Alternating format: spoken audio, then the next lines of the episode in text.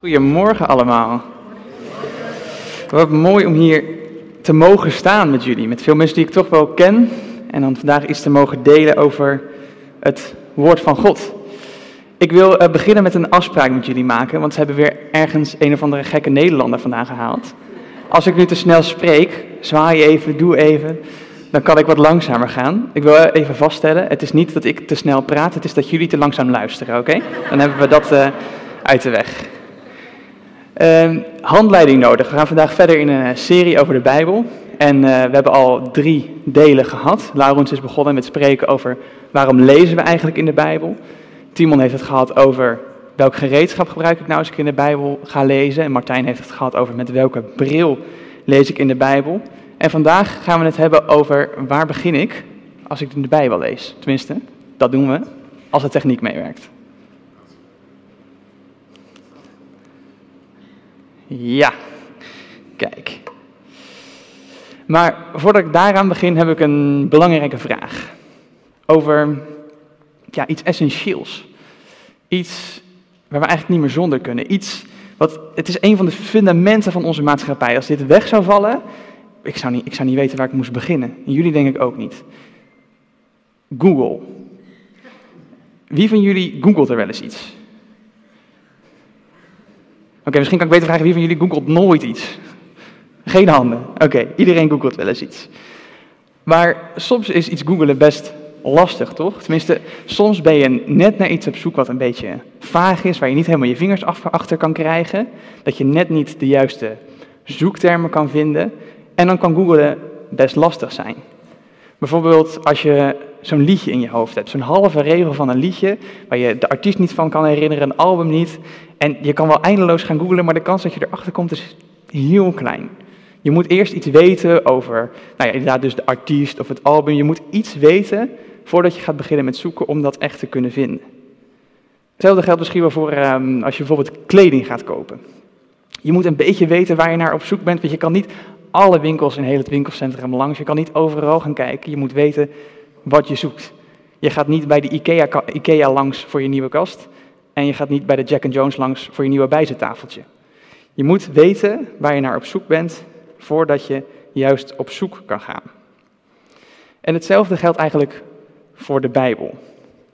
De vraag waar begin je met zoeken begint bij wat zoek je eigenlijk in de Bijbel? De kernvraag van waar begin je is wat probeer je eigenlijk te vinden? Wat probeer je te leren als je in de Bijbel leest? Wat wil je lezen? En er is ontzettend veel te leren in de Bijbel. Het is een ontzettend divers boek. Het bestaat uit misschien wel honderden thema's en ontzettend veel verschillende genres. Er zijn thema's die de hele Bijbel doorlopen.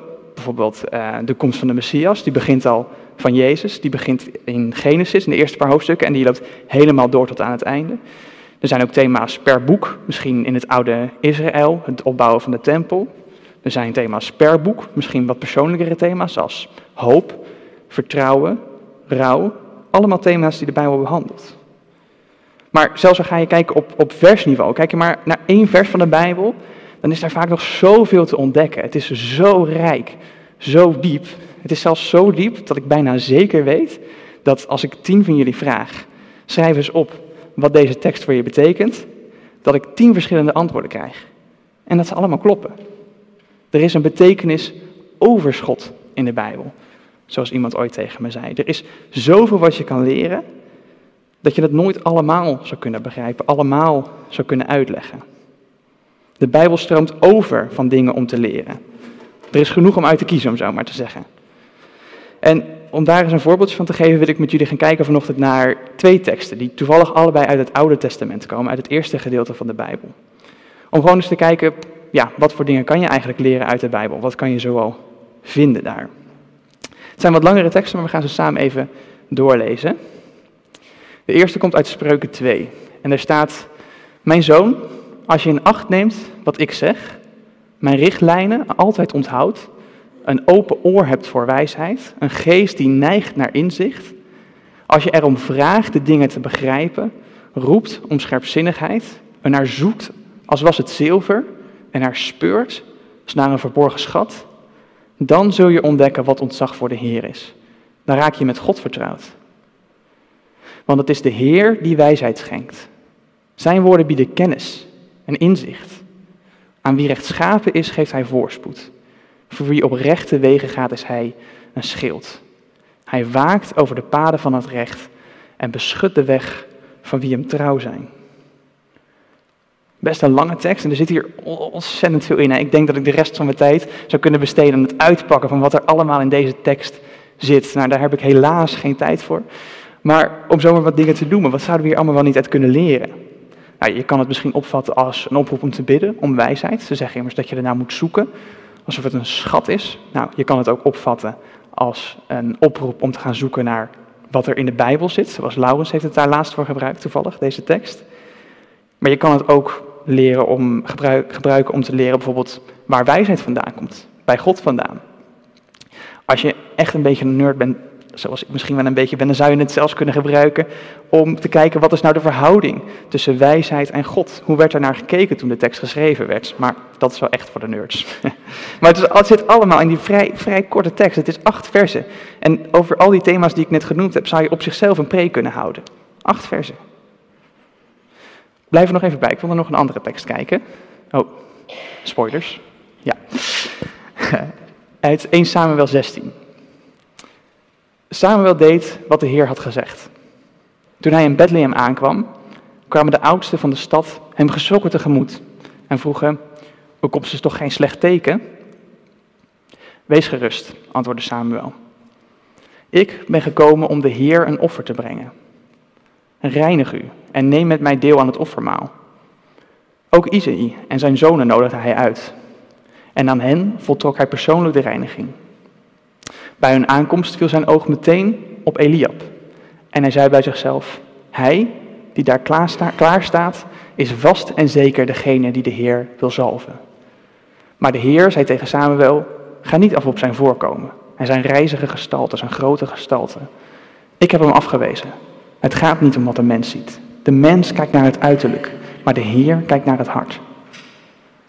Toen riep Isaïe Abinadab en stelde hem aan Samuel voor. Maar die zei, ook hem heeft de Heer niet gekozen. Isaïe stelde Samma voor, maar weer zei Samuel, ook hem heeft de Heer niet gekozen.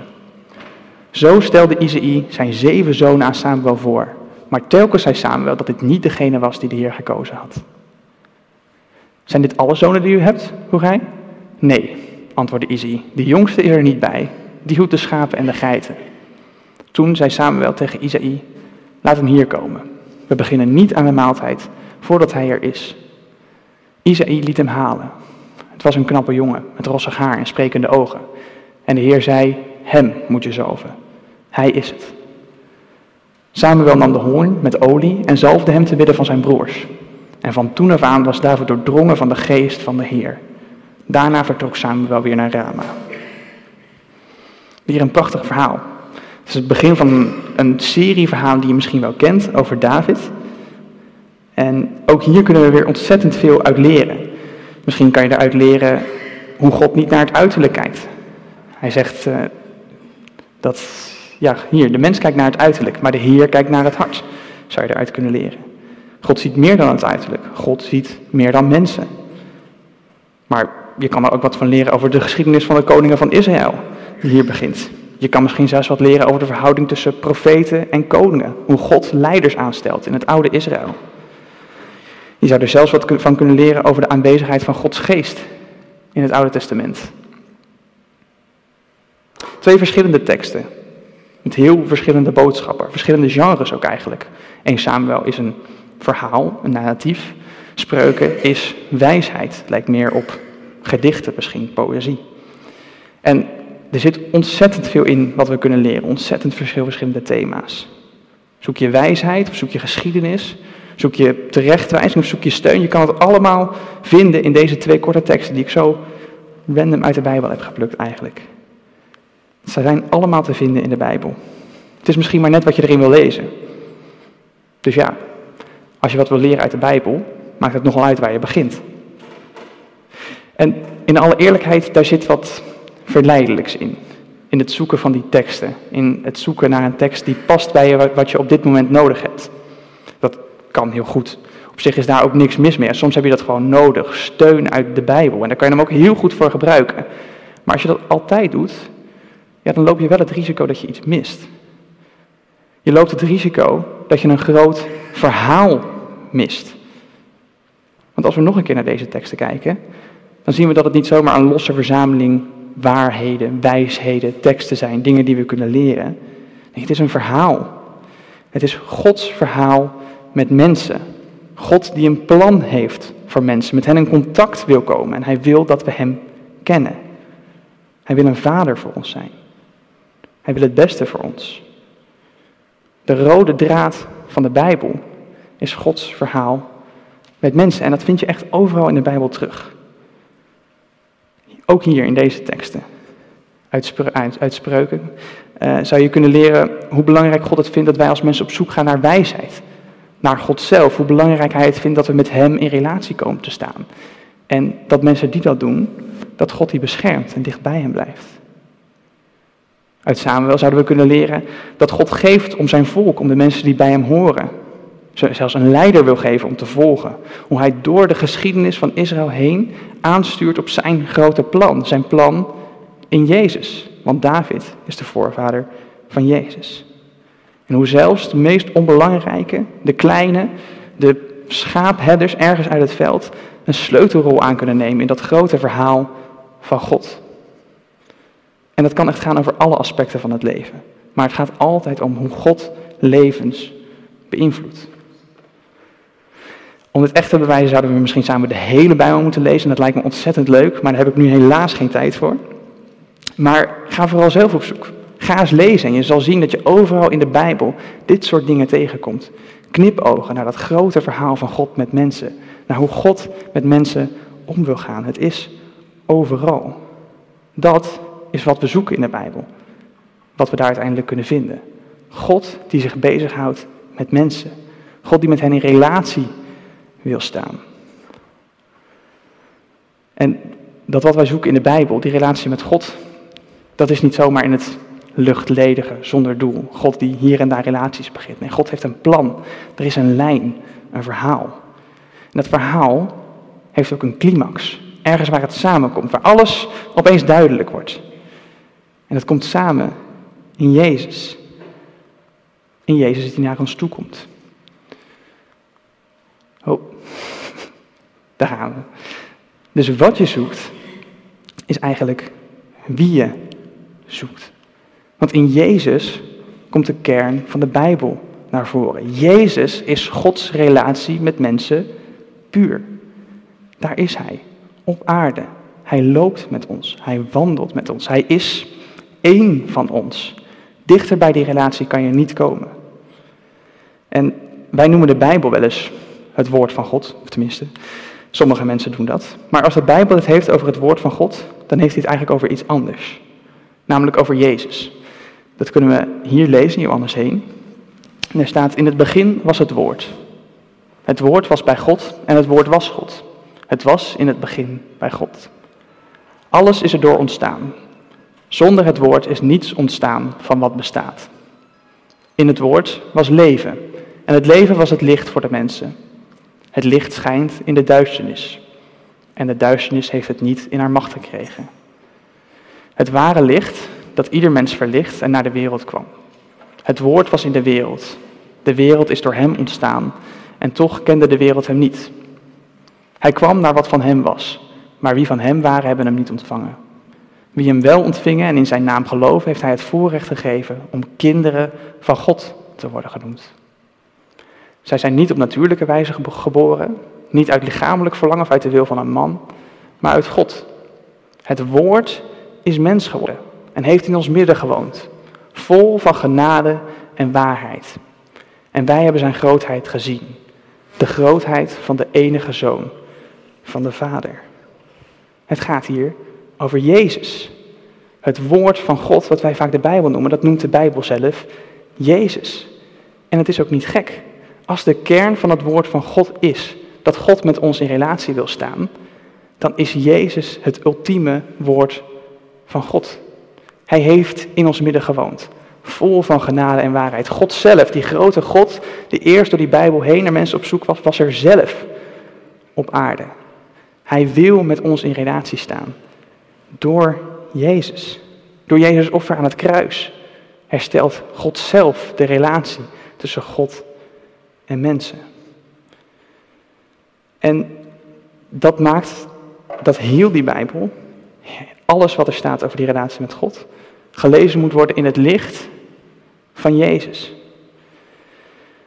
Dat maakt het Oude Testament niet, niet onbelangrijk opeens, maar juist mooi, omdat de volledige bedoeling daarvan is geopenbaard in Jezus. Jezus is de rode draad van de Bijbel.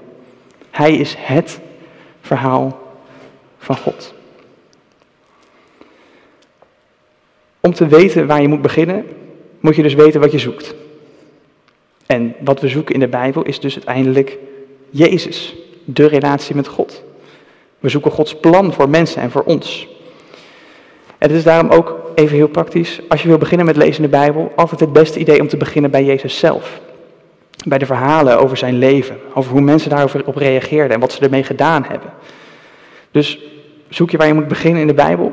Je kan beginnen in Genesis, heb ik ook wel eens gedaan. Maar wil je de Bijbel goed begrijpen?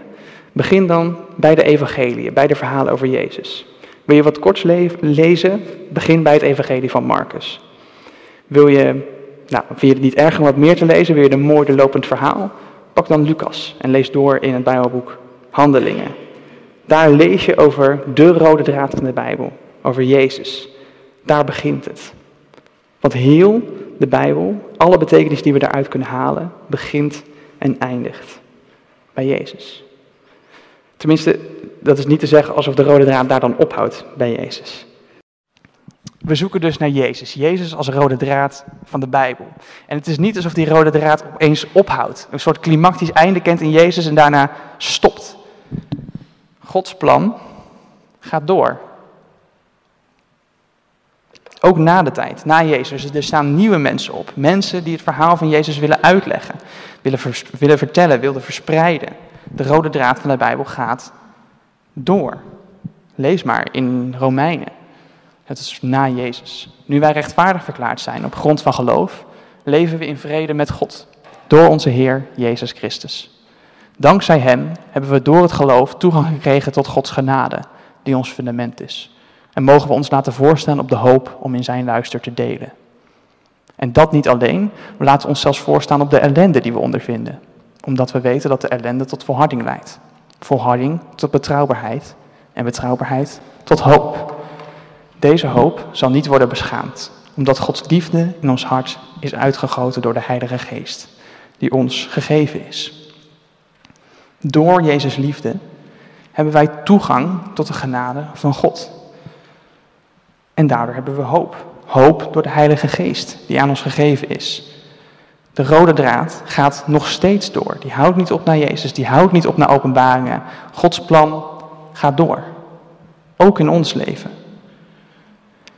Hij wil nog steeds in relatie staan met ons. Hij wil ons genade geven, liefde, de Heilige Geest, hoop. De rode lijn die door de Bijbel heen te vinden is, stopt niet na de Bijbel, maar hij loopt door in ons leven. Gods werk stopt niet. Hij zoekt ons op door de Bijbel heen. Hij wil ons laten zien wie hij is. Hij wil met ons meelopen door heel dat verhaal heen. Dus als we zoeken hoe God werkt, hoe God werkt in ons leven, dan beginnen we bij de Bijbel. Daar begint de rode draad. Daar leren we hoe God wil werken in mensen, hoe God wil werken door mensen. Daar leren we over Gods plan voor ons. Daar vinden we Jezus, de grootste vervulde belofte van God. En op onze beurt zijn wij dan weer een voorbeeld van hoe God werkt in de levens van mensen. Eigenlijk zijn wij een voorbeeld van de rode draad. Dat wat de Bijbel ons vertelt over hoe God werkt in mensen, dat mogen wij weer doorspiegelen naar de mensen om ons heen. Als God in jou werkt, dan ben jij onderdeel van die rode draad van de Bijbel. Dus zoek je een relatie met God? Lees. We hebben een heel boek waarin God vertelt wat dat betekent. Wat het betekent om God in je leven te hebben. Van het begin van het boek tot aan het einde werkt God door. En het is dezelfde God die Adam en Eva maakte, die ons gemaakt heeft. Het is dezelfde God die Abraham riep, die ons roept. Het is dezelfde God die voor Israël een pad maakte door de Rode Zee, die voor ons een weg heeft gemaakt naar God. He still is. Hij is nog steeds dezelfde God. Het is dezelfde God die als Jezus op aarde liep, die met ons mee wil lopen in ons leven. Het is dezelfde God die Jezus opwekte tot een nieuw leven, die ons een nieuw leven wil geven. Het is dezelfde God die de hemel en de aarde gemaakt heeft, die belooft, ik maak ooit alle dingen nieuw en jullie mogen met mij leven op deze nieuwe aarde. Het is dezelfde God. He still is. Dezelfde God die we nog steeds vinden, die we vinden in de Bijbel, die we nog steeds vinden in ons leven. Die met ons in relatie wil staan, naar ons op zoek is in Jezus. Zullen we samen bidden of diezelfde God die al zo lang werkt, die zo lang in mensen werkt, ook in ons zou werken? Trouwe God, Hemelse Vader, dank u wel. Dank u wel dat u al zo lang zo krachtig werkt in mensen. Dank u wel voor uw Zoon, Jezus Christus, die voor ons gestorven is. Dank u wel dat u in ons wil werken. Dat de rode lijn van de Bijbel niet stopt, maar doorgaat. Nog steeds. Vader, ik wil u bidden. Werk in ons, werk door ons. Maak ons een spiegel van wat het betekent om met u in relatie te staan. Als je hier zit voor de eerste keer of voor de honderdste keer, als we aan u vragen of u in ons leven wil werken, werk met ons. Werk door ons. Leef in ons. Werk in ons, Vader. Maak ons een beeld van uw grote belofte. Maak ons een beeld van Jezus Christus. Maak ons de vervulling van uw belofte, uw handen en voeten. Om zo iets van uw grote verhaal met mensen te mogen spiegelen naar de wereld. Amen.